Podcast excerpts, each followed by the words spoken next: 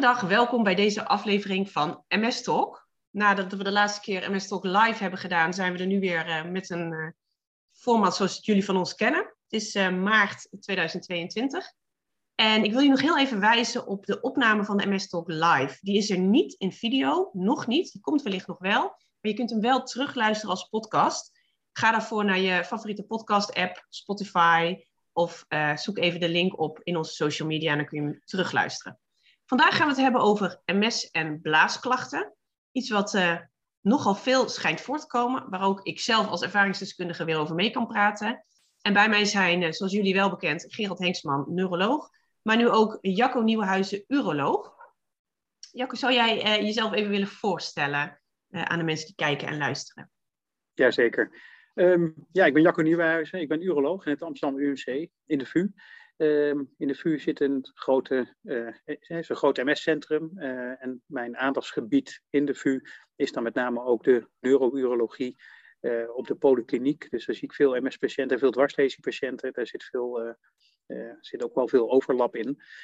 en daarnaast doe ik veel robotchirurgie en dat vindt dan weer veel meer plaats op oncologische dingen zoals de blaaskanker en de prostaatkanker. Met name die operatieve vaardigheden, die kun je voor een deel ook weer gebruiken bij, uh, als operaties weer plaats moeten gaan vinden op een gegeven moment bij uh, neurogene patiënten, omdat die, gaat dan vaak over blaasvervanging en dergelijke. Dus daar zit de overlap van deze twee onderwerpen. Dat is wat, een wat vreemde eend in de bijt, als je dat urologisch bekijkt. Maar dus daar liggen mijn aandachtsgebieden. Oké, duidelijk. Gerald, kom jij in jouw praktijk, in jouw spreekkamer, veel mensen tegen met blaasklachten? Ja, heel veel. Uh, bijna, bijna iedereen die wij zien, die heeft wel in meer of mindere mate last van. Uh, sommige mensen in hele lichte mate, andere mensen zeer hinderlijk en zeer invaliderend. En datgene wat we ook merken is dat op het moment dat je het daarna gaat vragen, dat je dan in één keer een blik van herkenning ziet van, oh ja, dat heb ik ook. En dan komt het verhaal. Dus uh, de ervaring leert wel dat bij de meeste mensen is niet iets waar ze spontaan zelf mee, uh, mee gaan komen. Dus je moet wel actief naar vragen, maar dan komt er vaak een heel verhaal tevoorschijn. Oké, okay, en is dat dan omdat mensen het niet herkennen of denken, ja, het hoort erbij, of is dat schaamte? Ik denk een beetje de combinatie van die twee. Uh, soms een stukje onwetendheid dat bijvoorbeeld een verhoogde aandrang en dat soort zaken toch met MS te maken hebben. En veel mensen, zeker in de beginfase van de ziekte, zien MS nog steeds als een ziekte die te maken heeft met het bewegen en gevoel en dat soort, dat soort dingen. Dus dat dat soort hele basale lichaamsfuncties ook mee te maken hebben, dat is niet iedereen bekend. Um, maar daarnaast ook wel een stukje schaamte. Ja, het gaat wel over dingen die ja, toch een klein beetje een taboe hebben. Zeker als het over incontinentie gaat, of over ongelukjes die in de, in de openbare ruimte, in de winkel plaatsvinden, of dat soort, dat soort zaken. Ja, Even voor onze kijkers en vooral voor de luisteraars. Jouw geluidskwaliteit is niet echt optimaal. Maar daar gaan we aan werken. We gaan zorgen dat er binnenkort een goede microfoon is. Ik hoop dat iedereen jou kan verstaan. Uh, maar je zegt in ieder geval dat het in ieder geval heel veel voorkomt. Jacco, nou hoorde ik jou uh, net zeggen dat je je bezig gaat met neurogene blaasklachten. Is er een verschil tussen blaasklachten van uh, ja, gezonde mensen, noemen we het maar even, en um, mensen met MS? Wat, wat, wat komt voor bij mensen met MS? Um, ja, er zitten natuurlijk verschillen tussen. Het, uh, wat heel veel voorkomt bij MS uh, is, en met name bij de mensen die gewoon nog die lopend zijn, dus de, de, beginnende MS, dan zie je heel veel eh, klachten die met name overactieve blaasklachten zijn. Dus heel veel patiënten uh, klagen over het feit dat als ze aandrang hebben, dat ze dat eigenlijk niet goed kunnen uitstellen. Dat gaat soms gepaard met heel vaak moeten plassen uh, of heel frequent plassen. Um, wat wij al heel goed doen tot nu toe, is namelijk dat we het hebben over uh, blaasklachten en niet over plasklachten. Um, want dat is iets wat uh, bijna iedereen vraagt, namelijk hoe gaat het dan met het plassen? Maar dat plassen is natuurlijk maar iets wat, is maar één ding wat de blaas heel goed moet kunnen. Hè? Je moet je blaas goed kunnen legen op het moment dat je dat wil. Mm-hmm. En tegelijkertijd moet je ook je blaas goed kunnen gebruiken als opvangreservoir. Dus je moet ook goed kunnen opslaan. En dat zijn te- tegenovergestelde uh, functies. Ja. Um, en voor die beide functies heb je een goede neurologische aansturing nodig. En dat is nou juist een probleem uh, bij MS. En wat je dan dus kan krijgen is, dus je kan dus verschillende types blaasklachten krijgen. Je kan dus inderdaad dus die opslagklachten krijgen, waarbij het dus moeilijk is om op te houden, waarbij je bij een klein beetje urine in de blaas al snel moet plassen, waarbij er soms incontinentie is, uh, dus ongewild urineverlies. En tegelijkertijd heeft ook een groep van, uh, van de MS-patiënten juist blaasonttledigingsproblemen. Dat klinkt als het tegenovergestelde, maar dat is dus niet zo moeilijk om te begrijpen, denk ik, als je snapt dat inderdaad de neurologische aansturing van die blaas, daar gaat het mis. Dus het gaat zowel mis in de opvangfase, in die opslagfase, als in die blaasonttledigingsfase. En dat is denk ik anders dan hoe dat eruit ziet voor waar, waar, mensen, veel mensen een uroloog van kennen, bijvoorbeeld uh, de, de prostaatklachten bij de oudere man, hè, waarbij juist de blaasontlediging een probleem is, omdat hij dan in de weg zit. Um, dus daar onderscheiden zich deze groepen zich met name. Oké, en nu, nu vraag ik me af, hè, want het komt dus, uh, hoor ik Gerald net zeggen, bij bijna iedereen heeft daar wel op een of andere manier last van. Maar dat geldt, dat, ik, ik vraag me af hoe dat kan. Want hè, dus de klachten bij MS zijn allemaal zo anders. Hoe, hoe kan het dat die blaas zo snel aan de beurt is? Is daar, is daar een antwoord op te geven? Nou, dat, daar is wel een antwoord op te geven, maar die is best ingewikkeld. Als je naar de neurologische aansturing van die blaas kijkt, die is best uh, complex. Um, kijk, niemand van ons kan de blaas, want je blaas dat is een spier, en niemand van ons kan de blaas als spier actief aanspannen. Dus dat is een, een onderdeel van het autonome zenuwstelsel. Het zenuwstelsel wat niet onder directe invloed van de wil staat. En toch kunnen wij controleren wanneer we gaan plassen. Um, wat er gebeurt, is die blaas, dat is een spier en die hoort tijdens een opslagfase. Wij zitten nu met z'n drieën in onze opslagfase. Die blaas wordt continu gevuld vanuit de nieren met urine, waarbij die blaas als spier dus helemaal slap is. Dus die moet zich goed kunnen ontplooien. Um, tegelijkertijd heb je ook een sluitspier en die houdt je plasbuis dicht in die opslagfase. Mm -hmm. Als we nou naar het plassen gaan, dus als we op de wc zitten, moet precies het tegenovergestelde gaan gebeuren. Dan moet die blaasspier gaan knijpen om de urine eruit te krijgen, terwijl je plasbuis open moet, dus die sluitspier moet open. Nou, die sluitspier die is onderdeel van ons bewuste zenuwstelsel, dus dat kunnen we heel goed aansturen. Dat is dan in onze bekkenbodemspieren, mits je een goede neurologische zenuwbaanvoorziening daarvan hebt. Ja. Um, die onwillekeurige, die kunnen we veel minder goed aansturen. Dus het makkelijkste eigenlijk om erover na te denken is dat dat reflexen zijn. En die reflexen die vinden plaats vanuit best laag, vanuit het uh, ruggenmerg. En die reflexen die controleren we weer vanuit de hersenen. Nou, en nou, hier komt precies het probleem bij MS. Wij zitten de meeste lesies bij MS, die zitten altijd in de hersenen en in het ruggenmerg. En afhankelijk dus van waar die lesies zitten, kun je die blaasfunctie, die spiergroepen, kun je beter of slechter aansturen. En het kan dus zo zijn dat je in het begin van je MS, als je lesies hebt in je hersenen, dat we bijvoorbeeld de prikkel die vanuit de blaas komt, want in die blaas zitten rekreceptoren, dat we die prikkels, dat je die prikkels niet meer goed kan onderdrukken. Dus als je lesies hebt in de hersenen, uh, ja, dan kun je soms die prikkels niet meer goed onderdrukken. En dan krijg je dus klachten van overactieve Dus je krijgt te snel die plasprikkel, of dat, ja. dat gevoel dat je moet gaan plassen.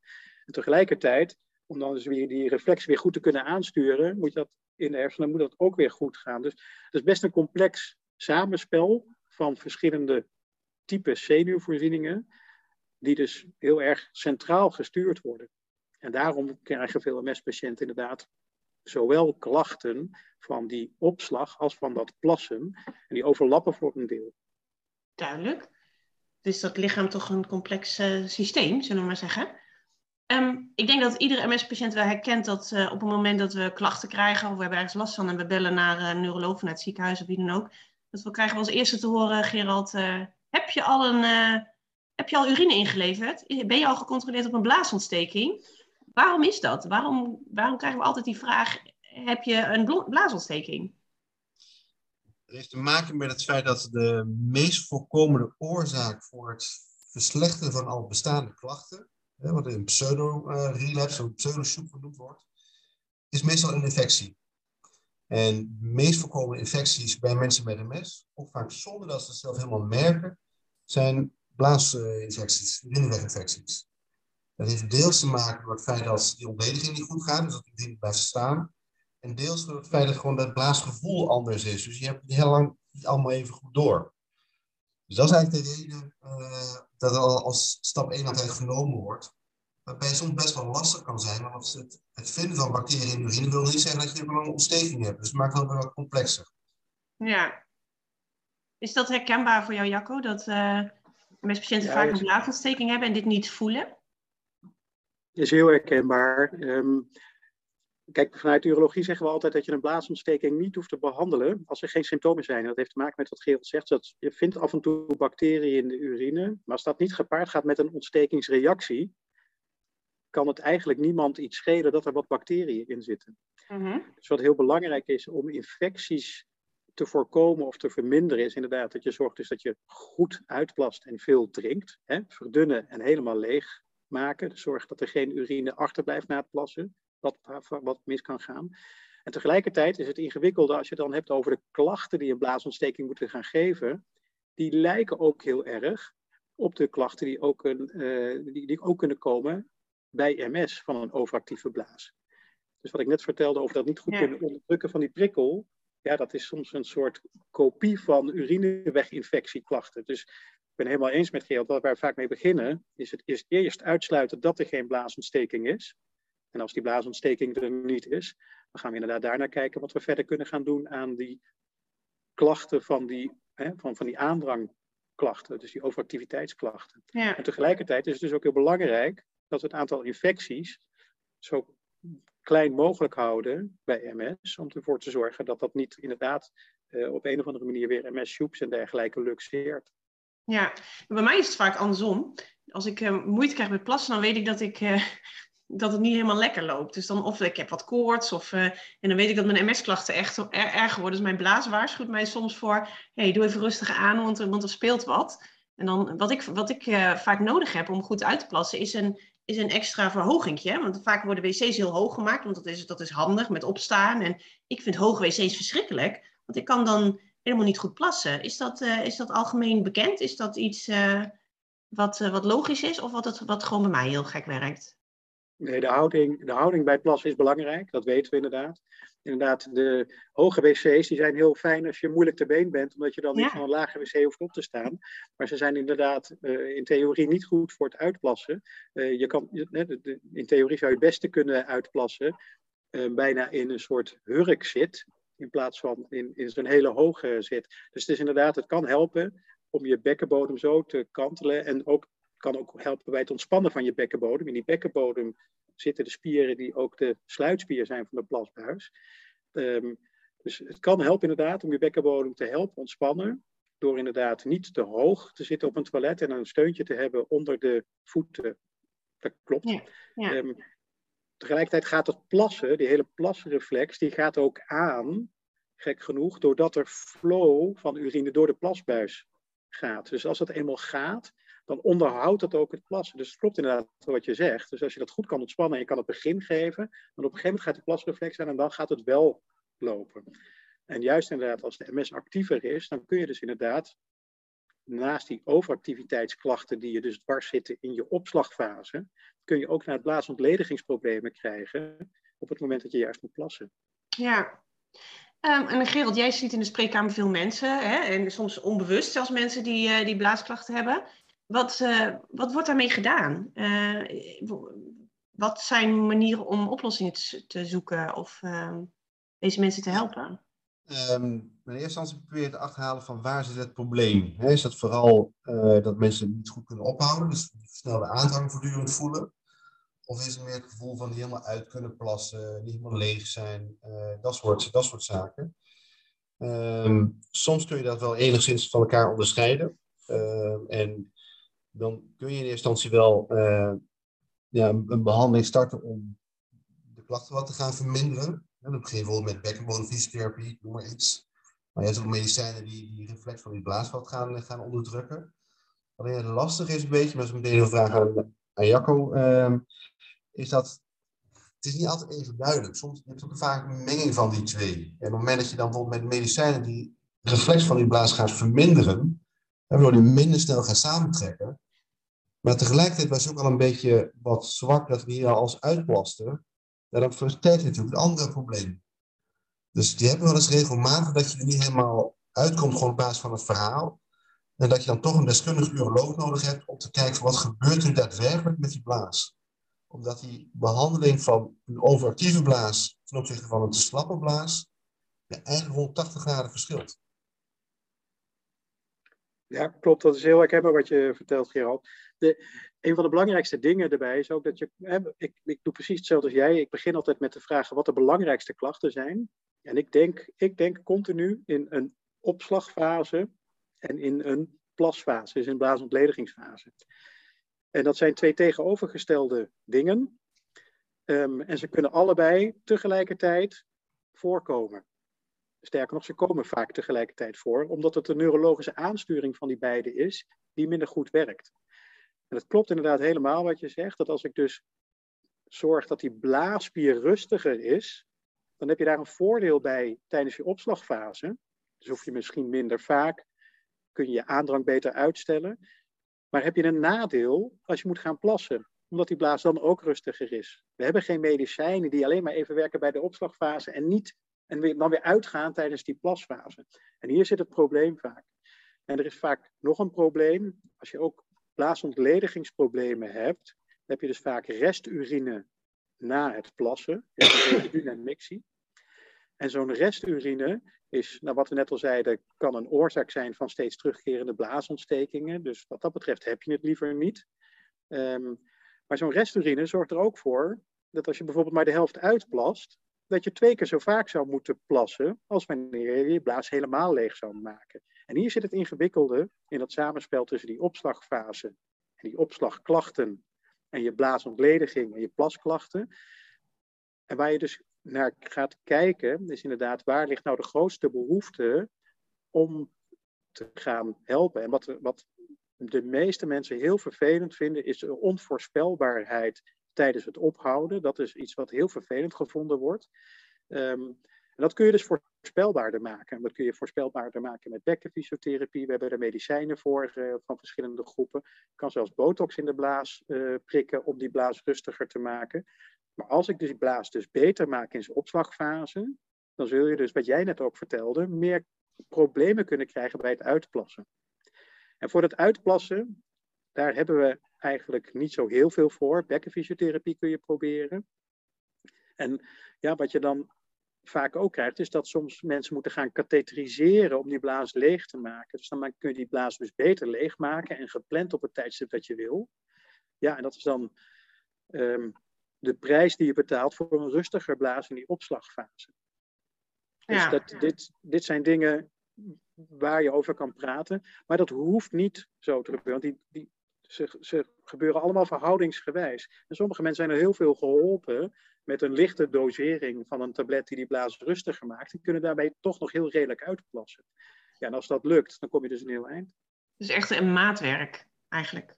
Ja, ik zeg altijd tegen mijn dokters in de opleiding dat ze met name met de patiënt moeten praten. Ja. Want je, je moet het, ja, maar je moet het met z'n tweeën beslissen. Het is niet iets wat ik kan Ik behandel comfort.